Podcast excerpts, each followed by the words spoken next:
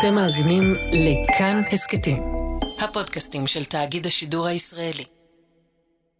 היי, אני דנה פרנק, אתן על חיות כיס. בשבוע שעבר הייתה ישיבת ועדה מאוד סוערת בכנסת. תגידי, אני נוסע פעם בשבועיים לאושר עד, אני נראה לך לשמור שבועיים בקבוקים בבית? אז מה תעשה איתם? נראה לך... בפח! בפח? הישיבה הזאת לא עסקה במשבר הפוליטי הבלתי נגמר, היא גם לא עסקה במשבר הכלכלי, או הבריאותי, שמלווים אותנו כבר תשעה חודשים. הישיבה עסקה באחד הנושאים שהם, על פניו, הכי מנומסים, משעממים ומובנים מאליהם בעולם. אבל רק על פניו. תראו, אני קודם כל בעד אה, מחזור, בעד לשמור על איכות הסביבה, זה דבר מאוד מאוד חשוב. אנחנו בעד איכות הסביבה, כמובן, אבל אי אפשר ליישם את זה ביישובים הערביים. אני מאמין שכולנו פה, ערכי הסביבה חשובים לנו. אני אומר את זה אני בעד הפיקדון, אני פשוט רוצה לדעת איך זה הולך היושב-ראש. וזה לגיטימי ונדרש מחבר כנסת לשמוע. לישיבה של ועדת הכלכלה הגיעה השרה להגנת הסביבה, גילה גמליאל, לבושה לגמרי בלבן, כמו כלה. היא באה לעשות משהו מאוד טכני, רק לאשרר את החלת חוק הפיקדון על בקבוקי משקה גדולים. כמו שעושים עם הקטנים, גם עם הגדולים. אבל איכשהו, שום דבר בחוק הזה, שנשמע הכי ברור ונהיר בעולם, לא בא בקלות. כולם מסכימים על השורה התחתונה. כולם, מכל הכיוונים, מסכימים שחייבים חייבים למחזר. אבל, בעוד שצד אחד בדיון משוכנע שאפשר להמשיך למחזר באופן וולונטרי, הצד השני משוכנע שכדי לרתום את הציבור, חייבים לתת להם כסף. מוכרחים פיקדון על כל בקבוק. ואיכשהו, בתוך אי ההסכמה הזאת, מצטברים כל השסעים, הקונפליקטים החברתיים וחוסר האמון שיש בחברה הישראלית. הנה עוד שד יוצא מהבקבוק. אז השבוע בחיות כיס, בואו נצא למסע בעקבות 30 אגורות, כולה 30 אגורות, ונבין יחד איך יכולות להיות כל כך הרבה מחלוקות וכל כך הרבה אינטרסים בנושא שכולם בעדו.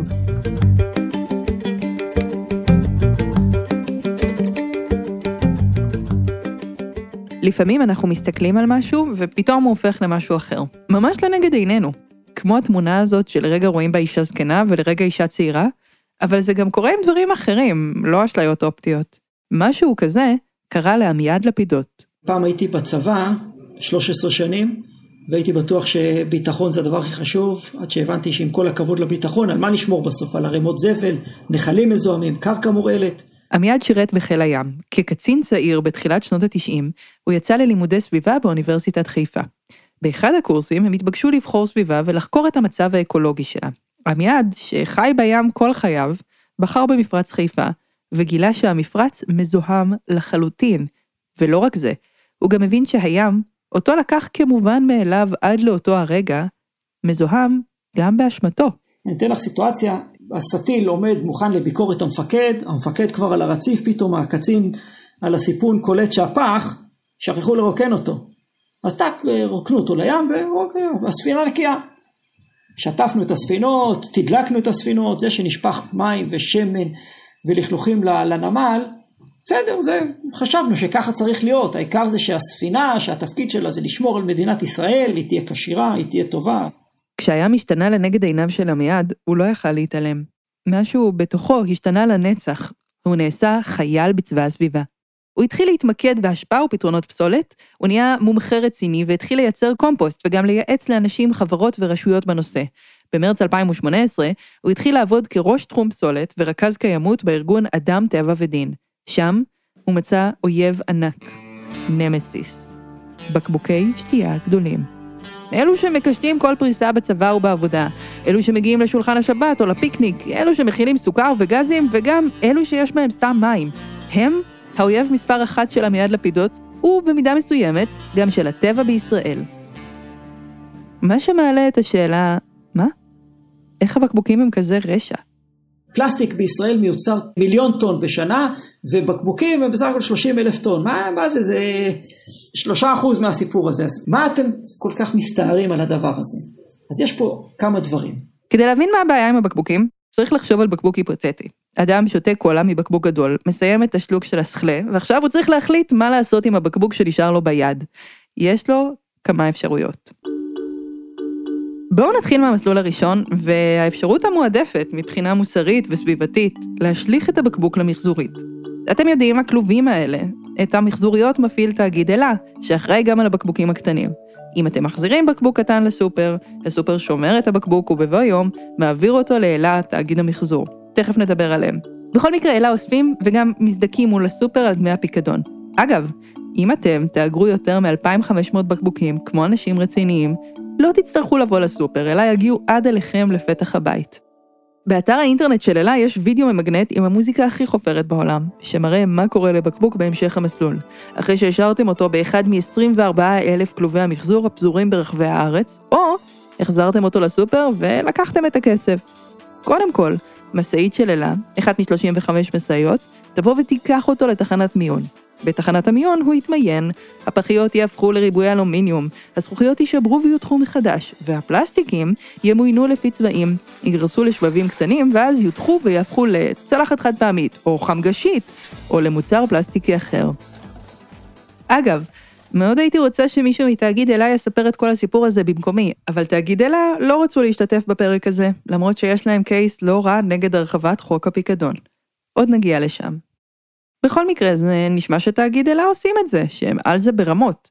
אבל, יש עם זה כמה בעיות. הראשונה היא שאלה לא מצליחים להגיע לכל הבקבוקים. לכמה בקבוקים הם מגיעים?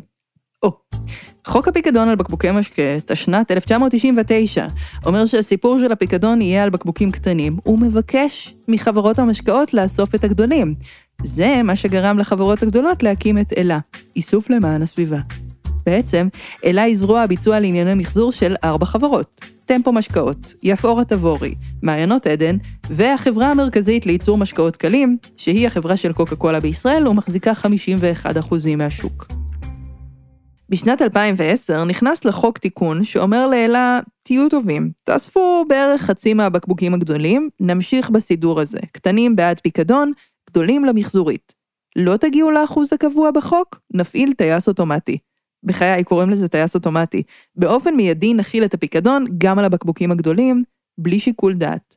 וחברות המשקאות, דרך אלה, עמדו ביעד. הן אשכרה הגיעו אליו בכל שנה בעשור הקודם, חוץ מבשנה אחת, 2016. מה שמעלה את השאלה, מה רוצים מהם? למה מפילים עליהם את הפיקדון גם על הבקבוקים הגדולים? אז ככה, זה נכון ששנת המחלוקת היא אחת 2016. זאת גלית כהן, היא סמנכ"לית תכנון מדיניות ואסטרטגיה במשרד להגנת הסביבה. ראינו שיש הרבה בעיות. זה לא רק העמידה ביעדים, זה גם איך עומדים ביעדים, וגם כשלעצמו היעד הוא מאוד נמוך. החוק דורש מעט מאוד יחסית. היעדים של איסוף הבקבוקים הגדולים משתנים משנה לשנה, אבל נעים בין 55 ל-57 אחוזים. לשם השוואה, מדי שנה נאספים כ-80 אחוזים ממכלי המשקה הקטנים, אלו שחייבים בפיקדון. החוק אומר לחברות המשקאות להגיע לפחות ליעד, בדגש על לפחות, אבל החברות עשו את המינימום רק כדי לא לחטוף קנס, או חלילה להגיע למצב שחוק הפיקדון מורחב. ובדיוק מהסיבה הזאת, השרה גילה גמליאל רצתה להרחיב את החוק. תקשיבי, עשר שנים היה להם את האפשרות לבוא באופן וולונטרי. אין להם שום רצינות בזה, הם חשבו שהם יכולים לבוא ולהפעיל את אימתם על חברי כנסת ואת הלחץ שהם הפעילו עליהם אה, כדי שזה לא יעבור, ואני מאוד שמחה ש... כל הלחצים האלה לא השפיעו לא עליי ולא על חברי הכנסת שבסופו של יום הצביעו בעד. דבר שני זה האיך. כי, וזה די מדהים, רוב הבקבוקים הגדולים שמגיעים לאלה בכלל לא נאספים דרך המחזוריות. הנה יובל לסטר, ראש אגף מדיניות ואסטרטגיה במשרד להגנת הסביבה. בערך 60% מהבקבוקים מגיעים לפח הירוק בסוף. מהפח הירוק זה יכול להגיע או למטמנה, או לתחנת מיון שממנה מחולץ הבקבוק אחרי שהוא אה, נאסף עם עוד הרבה אה, פסולת. בדרך כלל זה פוגע באיכות של הבקבוק וכך זה מונע גם את המחזור שלו בהמשך. במקרה הטוב, הרשויות המקומיות משלמות על פינוי אשפה, ואז בתחנות מיון האשפה המקומיות מוכרים את בקבוקי המשקה הגדולים לאלה. במקרה הרע, הבקבוקים הגדולים מועברים יחד עם כל שאר הזבל שלנו להטמנה. וגם על ההטמנה הרשות המקומית משלמת. בקבוק פלסטיק, אם הוא לא יהיה מוחזר, הוא נשאר בטבע כ-500 שנה, זה יכול להיות במטמנה, זה יכול להיות בשטח פתוח, זה יכול להיות בים. זה סוף המסלול השני האפשרי לבקבוק, להתאמן באדמה, לנצח. וזה פשוט חבל. חבל על הפגיעה הסביבתית, חבל על הכסף של הרשות, אבל גם חבל, כי למחזר פלסטיק של בקבוקים זה ממש יעיל. פלסטיק פט, ממנו הבקבוק עשוי, זה חומר טוב. זאת שוב גלית מהמשרד להגנת הסביבה. לזה אנחנו קוראים up cycling ולא down cycling. לא לקחת חומר שבעבר הוא היה נניח אה, בקבוק, ולהפוך אותו להיות, אה, לא יודעת, פסל. זה לא מחזור מבחינתנו. מחזור מבחינתנו הוא כזה שסוגר את המעגל, לוקחים את זה כבקבוק, משתמשים בו, ואפשר להחזיר אותו בחזרה, להפוך להיות בקבוק שוב. זה נקרא bottle to bottle. אז הבקבוק ההיפותטי שלנו יכול להגיע למחזור דרך המחזורית, או דרך תחנות מיון האשפה. הוא יכול להתאמן באדמה יחד עם כל הזבל שלנו, ויש עוד מסלול אפשרי לבקבוק הזה. להיות מושלך ככה סתם, איפה שאתם מסיימים לשתות אותו. ואם זה נשמע לכם כמו דבר אווילי לעשות, אתם במיעוט. או שאתם משקרים, כי 18% מהפסולת שנמצאה זרוקה בסביבה בישראל היא בקבוקי פלסטיק גדולים. כמעט חמישית מהאיכס שאתם רואים בפארקים או בנחל שנסעתם אליו בשבת, בקבוקי שתייה. זה עמיעד לפידות מאדם טבע ודין. אם אני לוקח את כל הבקבוקים שמושלכים בטבע בישראל בשנה, אני יכול לכסות את כל העיר גבעתיים בגובה של עשרה מטר. זאת המשמעות של הבקבוקים האלה בטבע. בקבוקים מישראל נמצאו ביוון ונמצאו באיטליה והם ממלאים את קרקעית הים כי באיזשהו שלב הם שוקעים והם מתפוררים והוא ממלא את העולם שלנו במיקרופלסטיק. בישראל שותים 2 מיליארד בקבוקי שתייה מדי שנה. הנפח של הבקבוקים בזיהום במרחב העירוני והטבעי מעמיס עוד עלות על המדינה, ניקיון. מנקי הרחובות והאזורים הפתוחים עובדים קשה יותר, כי אנחנו שותים פיוסטי אפרסק בקבוק גדול, ואז משאירים אותו למנוחת עולמים במקום שבו נשתה. די ברור איך כל כך הרבה בקבוקים מוצאים את דרכם לזהם את המרחבים הפתוחים שלנו. זה פשוט המקום שבו הם נצרכים, וגם, ברור איך אפשר למנוע את זה. פשוט צריך לגרום לבקבוק להיראות אחרת. זאת אומרת, הבקבוק יישאר אותו בקבוק. אבל אנחנו נראה אותו בצורה שונה. צריך לצבוע אותו בצבע שונה מהעלים והאבנים, והצבע הזה צריך להיות בולט. ממש זוהר. משהו כמו כסף. כסף שנדע שיגיע אלינו לידיים אם נמחזר כמו שצריך. כאן נכנס לתמונה חוק הפיקדון.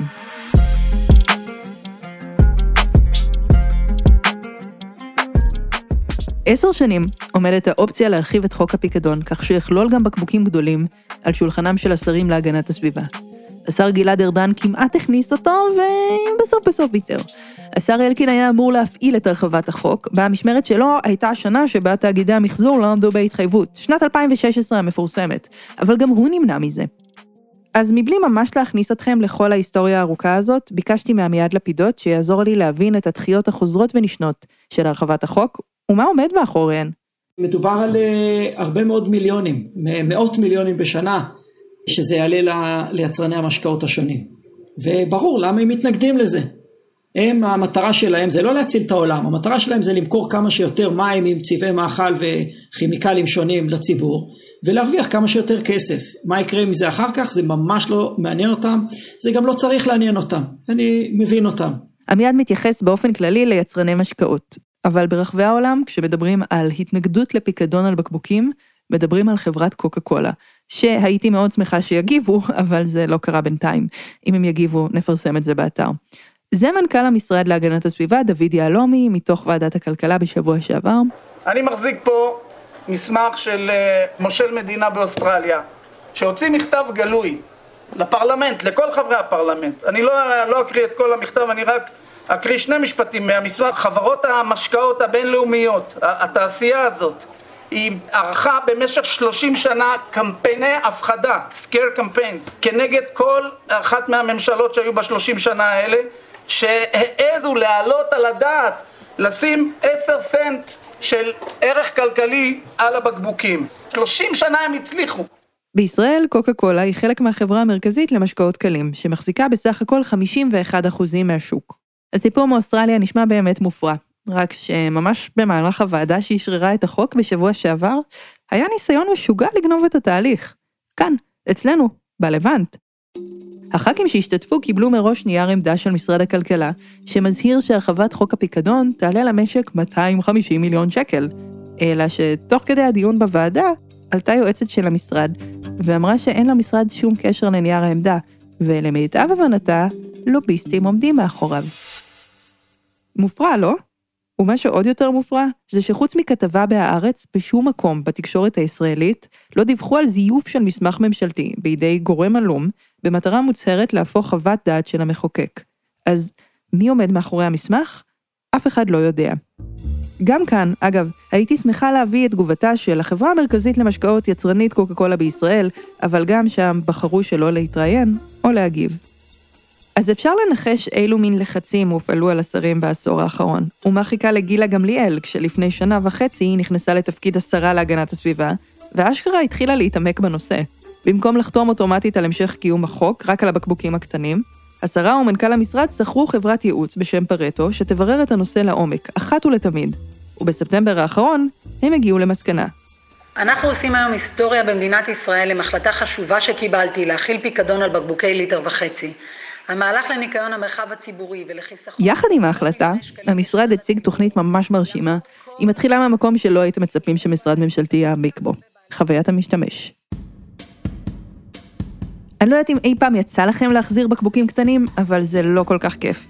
צריך להיגרר איתם לסופר, הקופאית רק ראתה אתכם כבר הלך לה היום, במיוחד אם באתם עם הרבה בקבוקים, והרי לא תבואו עם בקבוק אחד או שניים. יותר מזה, אם תגיעו בשעת העומס לסופר, וכנראה הגעתם בשעת העומס לסופר, כי אתם לא בפנסיה, ואתם לא עושים קניות ב-10 וחצי בבוקר, יכולים אשכרה להגיד לכם לקחת את כל הבקבקת ולחזור מחר. ובמצב הנוכחי עם המגפה הזאת והכל, זה אפילו עוד יותר לא לעניין. הנה יובל לסטר מהמשרד להגנת הסביבה. מה שאנחנו רוצים לעשות זה בדיוק להפוך את זה, להפוך את זה על ידי זה שאנחנו נציב מכונות אוטומטיות, אגב, הם יכולים להיות גם מחוץ לרשת השיווק, כך שצרכן יכול להגיע גם בשעות שנוחות לו, הוא יכניס את הבקבוקים בצורה מהירה מאוד, הוא מקבל חזרה או שובר או החזר כספי. גם הקמעונאי מרוויח מזה שהוא חוסך את כוח האדם והשטחים שנדרשים לו כדי לאסוף ולשמור את הבקבוקים ולחכות לתאגיד אלה שיבוא לאסוף את הבקבוקים ממנו. המכונות ממש מושלמות, הן יודעות להפריד את הפסולת במקור, כלומר אם תכניסו בקבוק סודה ואז בקבוק יין ואז בקבוק של תרכיז פטל, המכונה תדע שמדובר בפלסטיק, זכוכית פלסטיק, תשלח כל בקבוק למקום הנכון לו, וגם תדחוס אותו. אם היום יש 24 אלף מחזוריות, המכונות יהיו הרבה פחות, כי הן יכולות לקלוט פי 25 ויותר ממה שמחזורית יכולה לקלוט. וגם האיסוף שלהם יהיה עם פחות נקודות, אז פחות משאיות ייכנסו לתוך הרחובות, ולכן התשתית פה מטיבה עם הציבור ואזרחי ישראל. בסופו של התהליך הקצר והיעיל הזה, תקבלו שובר עם הכסף שמגיע לכם, ואז תיכנסו לסופר ותפדו אותו כמו גדולים. או שתתרמו אותו. בסקר האחרון שעשינו לגבי עמדות הציבור, שאלנו כמה מתוך הציבור מתכוון אה, למעשה להחזיר אותם לסופר וכמה מתכוון לתרום אותם. אם אנחנו למשל נציב אה, מכונות דחסניות של בקבוקים בבתי ספר או בגני ילדים. ומצאנו ש-20% מהציבור מתכוון ומעוניין לתרום את הבקבוקים האלה למוסדות חינוך כאלה ואחרים. מדובר פה על הכנסות של עשרות מיליוני שקלים בשנה לטובת פעילויות נהדרות. במקומות אחרים בעולם, בהם יש מכונות בשפע, התוכנית הזאת עובדת מדהים. באונטריו, קנדה למשל, ההחזרה של הבקבוקים הגדולים מתקרבת ל-100 אחוזים. ואם כל הקצפת הזאת לא מדברת אליכם, חכו, כי יש גם דובדבן. בישראל יש מפעלי מחזור לאלומיניום ולזכוכית, למה אין מפעל? לפלסטיק האיכותי של הבקבוקים. פלסטיק פט, אותו שולחים לחו"ל. לאורך כל השנים לא קם מפעל מחזור של בקבוקי פט בישראל. טענות שעלו מהתעשייה זה שפשוט אין לזה אה, ישימות אה, כלכלית. ואנחנו פנינו לארגון בינלאומי שסייע לנו בעבודה כלכלית, שהעריכה האם יש כלכליות להקמת מפעל מחזור בקבוקים בישראל. והמסקנה של העבודה הייתה שככל שיוטל פיקדון, יהיה כלכליות בהקמת מפעל פט בישראל. בעצם היזמים מטעם המשרד התייעץ, אמרו לו, תשמע, בשביל הזרזיף הזה שמגיע מהמחזורית או מהפח הירוק, ולא ממש נשמר בתנאים טובים, והרבה פעמים מזוהם בפסולת ביולוגית, בשביל זה לא מקימים עכשיו מפעל של פט איכותי. אבל אם אתה מביא לנו פה מכונות שמביאות את הפלסטיק הטוב והזכוכית הנקייה, יש מה לדבר. מכונות ידאגו לכמויות ולאחסנה נאותה. ככה כן אפשר להקים מפעל. יובל וגלית אומרים שכבר עכשיו יש שתי חברות בינלאומיות גדולות שבודקות אפשרות להקים מפעל למחזור פט. חדש לגמרי, עם מלא מקומות עבודה, שייתן איזה בוסט של צמיחה במשבר הכלכלי של הקורונה. ואז עם כל היופי הזה, ועם התוכנית המגובשת ביד, בשני בדצמבר ניגשה גילה גמליאל לוועדת הכלכלה. כל מה שגילה רצתה זה רק לאשרר את הצו שיפעיל את החוק תוך שנה בדיוק. וזה לא הלך כל כך חלק. הוקדש שעתיים של הוועדה, זה זמן של הוועדה. אין בעיה. יכולה להשאיר את המנכ"ל, אנחנו רוצים לקיים דיון על הפיקדון, על סוגיית המחזור, ורוצים לקבל תשובה. חברי הוועדה והאורחים שהשתתפו בדיון התחלקו לשלוש קבוצות. קבוצה אחת תמכה לחלוטין בהצעה של השרה. קבוצה שנייה תמכה בהצעה, רק תהתה למה צריך שנה, למה לא להכות בברזל בעודו חם. במיוחד בישראל, שבה המציאות הפוליטית כל כך הפכפכה. השרה הסבירה שהתהליך ייקח זמן, צריך לפנות את כל המחזוריות. תאגיד המחזור אילת צריך להתאים את עצמו למצב, צריך לרכוש את המכונות, צריך לפזר אותן, צריך לחנך את הציבור. וגם קורונה. והקבוצה השלישית פשוט התנגדה לגמרי לכל התוכנית. בקבוצה הזאת היו כל מיני אנשים, גם ח"כים, אבל גם נציגי התעשייה והקמעונאים. הלו? היי רמי, זו דנה פרנק מכאן, מה שלומך? למשל, רמי לוי. תראי, זה אבסורד מה שקורה עם הפיקדון של הבקבוקים הגדולים. רמי אומר שהוא הכי בעד מחזור, אבל מתנגד לתוכנית של המשרד להגנת הסביבה, ויש לו נימוקים לא רעים. קודם כל, הוא אומר, הציבור בכלל לא ממחזר. בואו נסתכל על המחזור של הפחיות הקטנות והבקבוקים הקטנים. זה חוזר או אלה של הפאבים, שאת יודעת, אצלם בפאבים שזה, או במסעדות, או שאנשים שאוספים את זה מתוך הפח אשפה. וחלק קטן מאוד זה חוזר דרך משק הבית, שהגברת או האדון שבאים לסופר ומחזירים. רמי אומר שלאנשים אין בכלל את ההרגל לקחת את הבקבוקים לסופר. מקסימום לזרוק במחזורית, וגם זה רק היא ממוקמת ליד הפח הרגיל. מצד שני, אומרים במשרד להגנת הסביבה, זה לא שאנשים קונים המון בקבוקים קטנים הביתה. המקומות שממחזרים, ממחזרים כי שם צורכים את הבקבוקים הקטנים. ההסתייגות השנייה של רמי היא מהכסף, כי הפיקדון יעלה את המחיר של המוצר לאזרח הקטן. ונתתי דוגמה, אנחנו מוכרים מים מינרליים של ליטר וחצי, עשרה שקלים שישייה, כאילו שקל וחצי לבקבוק. עכשיו, אם ישימו 30 אגורות, מייקרים את זה באופן אוטומטי ב-20% את המים. תומכי התוכנית חושבים שכמעט אין סיכוי שתהיה העלאת מחיר. אם נסתכל על הבקבוקים הקטנים למשל, כשהוטל עליהם פיקדון של 25 אגורות, המחיר לצרכן עלה רק ב-8 אגורות, לפי הלשכה המרכזית לסטטיסטיקה. חברות המשקאות והקמעונאים ספגו 17 אגורות מעלות הפיקדון. בסוף בסוף, המחיר הוא החלק הכי פגיע של החברות, שם התחרות שלהן. ואם חלק מחברות המשקאות יבחרו לספוג את המחיר, אולי אפילו להוריד אותו, כי מחזור הבקבוקים יכול לאפשר להן לחסוך בעלויות לאורך זמן, כל שאר החברות ילכו בעקבותיהן. השרה להגנת הסביבה, גילה גמליאל, אומרת שבכלל לא צריך לרחם על חברות המשקאות, שיפסידו קצת כסף, מה קרה? חברות המשקאות אה, עם השנים למדו אה, לעשוק את הציבור, וכשרואים גם את המחירים מול מה שקורה בעולם, יש פער דרמטי. אז בהקשר הזה, במקום אה, לחשוב שהם לא יכולים לספוג את הפיקדון, בעיניי הם בהחלט יכולים וצריכים, כמזהם משלם, לספוג גם את הפיקדון ואת העלות שלו. הפגיעה בכיס של הצרכן היא רק חלק מהוויכוח הכלכלי הסוער סביב הרחבת הפיקדון.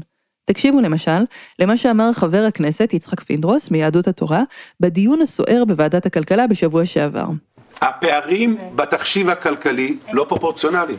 אם העלות התוספתית... מה שח"כ פינדרוס אומר, זה שיש על השולחן שלוש הערכות כלכליות.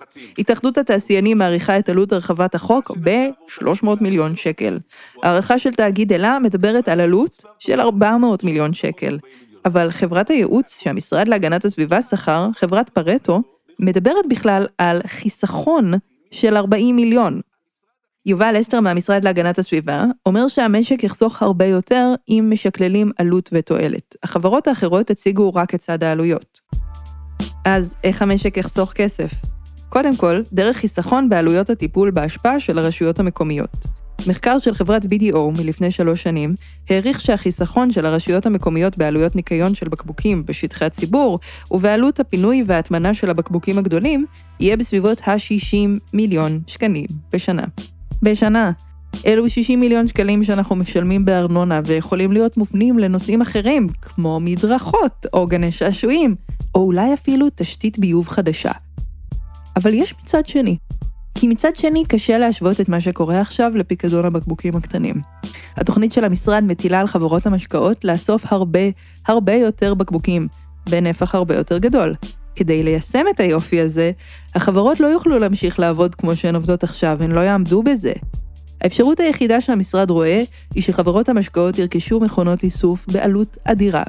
כל מכונה עולה בערך 30 אלף יורו, שזה בערך 130 אלף שקל. אנחנו מדברים על כמה אלפי מכונות בכל הארץ, כלומר הכל ביחד מסתכם במיליונים. כל העלויות הללו אמורות ליפול על היצרנים, על חברות המשקאות. החוק קובע שמחיר הפיקדון חייב להיות לפחות 30 אגורות. חברות המשקאות טוענות שהן יצטרכו לגבות יותר, בערך 70 אגורות, כדי לממן את המכונות היקרות.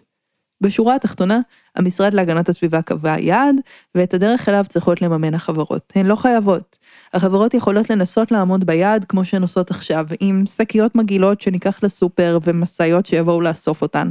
אבל אפילו אם הם ינסו לעמוד ביעדים ככה, המחקר של המשרד אומר שזה יהיה להן כל כך יקר ולא משתלם, עד שעדיף כבר להשקיע במכונות. קודם כל תראי, זה מזוהם. זה שוב רמי לוי. כשהם עושים את זה מהזבל, ועושים את מה שעושים כרגע, אז לא יודעת כמה המסכנות, העובדים, הקופאיות הראשיות, צריכות לספור את זה, שזה יוצא מהזבל, לנגוע בזה, אם זה לא בצורה מסודרת עם מכונות, לפחות שיבואו אליי עם זה, מה פתאום, איפה אני אשים אותם? רמי לוי הוא כבר לא איזה בעל בסטה קטנה במחנה יהודה, הוא סמל לקמעונאות בישראל, ולכן הוא היה בין האנשים שהשרה גמליאל הזמינה להתייעצות בשלב גיבוש התוכנית. אבל מבחינת רמי, כל הדיבור על מכונות מה מכונות הוא לגמרי דיבור באוויר. למה עד עכשיו עשו מכונות במה שהבטיחו לפני עשר שנים, כמה כבר עשר שנים התוכניות הקטנות המחזירים, אז אמרו שישימו כמה אלפים של מכונות לא שמו כלום. אני בכל הרשת שלי נתנו לי מכונה אחת. כל המכונות האלה שנשמעות כל כך מהעתיד הן כבר מהעבר. הן אמנם עובדות יפה מאוד באירופה ובקנדה שלכם, אבל וואלה, בארץ כמעט לא נתקלים בהן. וזאת לא הבעיה היחידה של רמי לוי עם אלה. למעשה, רמי כרגע תובע את אלה, בטענה שבעשור האחרון, אלה לא החזירה לו דמי פיקדון בסכום של שלושה וחצי מיליון שקלים.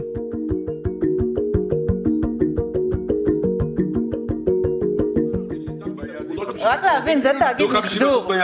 תאגיד מחזור נגד מחזור, זה דבר חדש. לא, תאגיד מחזור צריך לעשות את זה מחר בבוקר. מי חותם לנו שהתאגידים ישקיעו מיליונים בתהליך מחזור חדש ואיכותי? זאת אולי השאלה הכי גדולה מכולן. את גילה גמליאל זה לא מדאיג בכלל. כל המאמץ של החברות היה כדי למנוע את החוק. ברגע שהחוק עבר והוא ברשומות, אין להן יותר ברירה. עם או בלי מכונות, הן חייבות להגיע ליעד הרבה יותר גבוה ולאסוף הרבה יותר בקבוקים. אנחנו בהחלט יכולים לכפות על אנשים את החוק. והחוק קבע באופן חד משמעי יעדים של איסוף הבקבוקים, ובפרוצדורות הקיימות, במידה והם לא יעמדו ביעד, הם יצטרכו, יוטלו עליהם עיצומים שהם יצטרכו לשלם.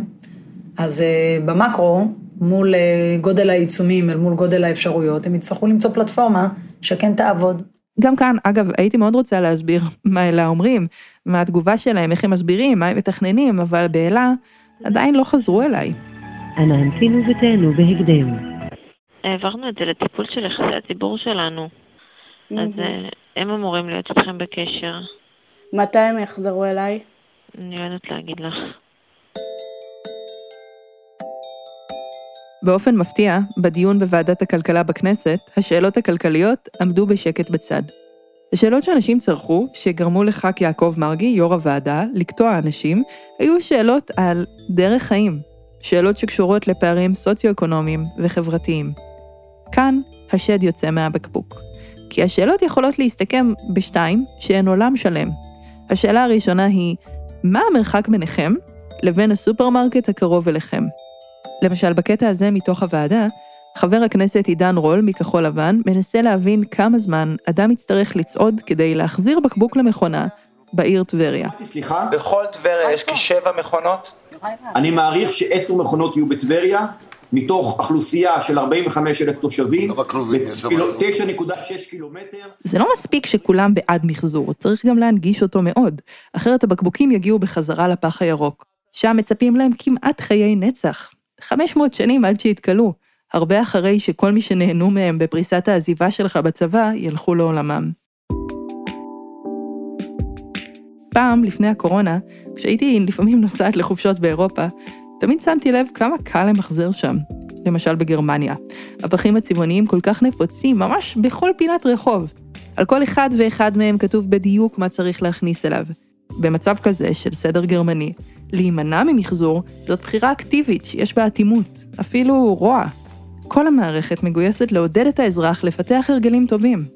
אבל בישראל במצב הנוכחי, שבו אף אחד לא מבין מה באמת קורה לבקבוקים, צריך הרבה רצון טוב כדי להגיע לכלוב המתכת עם הבקבוקים, ועוד יותר רצון טוב כדי להגיע למכונות, אם הן יגיעו. וזה מביא אותנו לשאלה השנייה. מה תרגישו אם המחיר של בקבוק קולה יעלה בשקל שלם? נראה שזה מה שהכי הכאיב לח"כים מהמפלגות החרדיות. הם הקולות הכי חזקים נגד חוק הפיקדון מאז ומעולם. למרות שיו"ר הוועדה, יעקב מרגי מש"ס, ביקש בפתיחת הדיון אני כן מבקש, ואני אעמוד על זה בתוקף.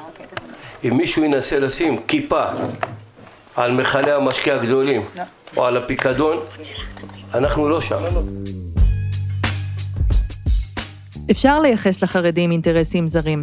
בתחקיר של דה מרקר מהשנה שעברה, נחשפה העברת תרומות משמעותית לחסידות גור משתי חברות המשקאות הגדולות בישראל, טמפו, המזוהה עם פפסי, והחברה המרכזית למשקאות, שמחזיקה את קוקה קולה, פריגת ופיוסטי, כולם משקאות שכיף לשתות בחבורה, כשכל אחד מוזג לו כוס מהבקבוק המשפחתי. התרומות, בסכום של למעלה ממיליון ושבע מאות אלף שקלים, הועברו לפי דה מרקר בסמוך לאישור רפורמת סימון הסוכר במשרד הבריאות, שבו ישב באותה העת יעקב ליצמן, חסיד גורו. הרפורמה הזאת איימה מאוד על חברות המשקאות, ובאמת, נעשו שינויים שהקלו עימן. אפשר לחשוד שיש משהו כזה שקורה גם כאן, מתחת לפני השטח. אבל יכול להיות שיש פה משהו אחר, והמשהו הזה הוא מהו בקבוק בשביל כל אחד מאיתנו. יש מי שרואה בזה רע לטוף בזיהום, ויש מי שרואה בבקבוק מוצר חגיגי, סמל למסיבה או למפגש משפחתי. רציתי לדעת מהו בקבוק בשביל משפחה חרדית, אז התקשרתי לעקיבא וייס, כתב דת וחרדים בכאן חדשות, וגם מהצוות המייסד של חיות כיס. החשש מכל התייקרות אה, של מוצר, בפרט מוצר כמו בקבוקים אה, גדולים, שזה מוצר צריכה מאוד אה, בסיסי בכל בית, אנחנו לא מדברים על יום-יום, בעיקר בשבתות, חגים, שמחות, שמשתמשים בשתייה מתוקה יותר, ופשוט הראש הכלכלי החרדי שמסתכל אומר, אנחנו לא יכולים לתת יד שדבר כזה יעלה, כי בסוף זה פוגע בציבור החלש, הציבור החרדי בחלקו זה ציבור מאוד, אה, שחי מאוד בצמצום, וכל שקל הוא חי אותו. כשחושבים ככה, פתאום קל להבין איך מחזור בישראל נראה כמו פריבילגיה. אבל אולי זאת נאיביות. אולי באמת הכל רק שחיתות ואינטרסים, רק הבלבלה של התהליך. אולי באמת ההחלטה להרחיב את החוק שהתקבלה בוועדה תשים סוף לסאגה הזאת. הנה גלית מהמשרד להגנת הסביבה. ברגע שיש לזה תמריץ כלכלי, ברגע שאני יודעת שיש לזה מחיר, אני אאסוף את זה באיזשהו מכל נפרד בבית, וכשאני חוזרת אה, לסופר לעשות את הקנייה השבועית או הדו-שבועית, אני אלך למכונה, אני אחזיר את זה, באותו הפתק שאני אקבל, אני אלך ואעשה את הקנייה הבאה שלי. והאמת, בניסוי הקודם של המשרד, זה כבר ממש הוכיח את עצמו, לפחות בעיני יובל מהמשרד להגנת הסביבה. אנחנו המדינה שהמחיר על שקית הוא הנמוך ביותר בעולם. כשהתחלנו את המהלך של השקיות, כולם אמרו לנו, צריך מינימום 40-50 אגורות לשקית כדי שאנשים ישנו את ההתנהגות שלהם. וגם אנחנו במשרד, כשהסתכלנו על המחירים בעולם, שזה צריכה להיות העלות של שקית, אבל כששמנו בסופו של דבר את העלות של 10 האגורות, וראינו את הירידה של 70, 80 אחוזים ויותר בצריכה של שקיות פלסטיק חד פעמיות, ראינו כמה הציבור בישראל הוא מושפע מסיגנלים כלכליים, ואנחנו מאמינים שגם זה יהיה המקרה של הפיקדון. אולי בראשון בדצמבר בשנת 2021, כמו במטה קסם, במקום שבו יהיו בקבוקים, אנחנו נראה פתאום שקלים. וכשהבקבוק הריק סוף סוף יהיה שווה כמה מטבעות, הגורל שלו ישתנה. בסך הכל, אם יש משהו משותף לכל הישראלים, זה שאף אחד לא רוצה לצאת פראייר.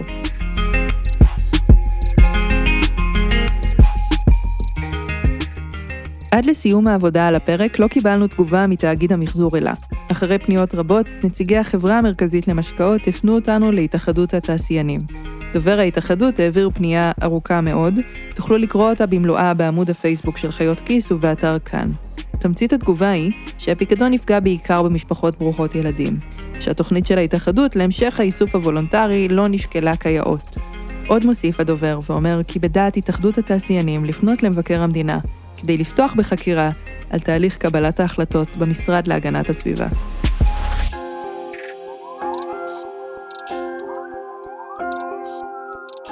האזנתם לחיות כיס. העורכת שלנו היא מאיה קוסובר. עורך הסאונד, אסף רפפורט. סייעה בעריכת הסאונד, רחל רפאלי. בהכנת הפרק סייעו המתמחים שלנו, דניאל סידון, עדי סלאם והדר בוטח. במערכת גם צליל אברהם ושאול אמסטרדמסקי. יש לנו עוד פרקים שעוסקים בצדדים הרגשיים והמפתיעים של פגיעה בסביבה, נשים לינקים באתר. כל הפרקים של חיות כיס, ובכלל של כל הסכתי כאן המדהימים, זמינים להאזנה בכל אפליקציות ההסכתים, וגם באתר כאן. אני דנה פרנק, תודה שהאזנתן.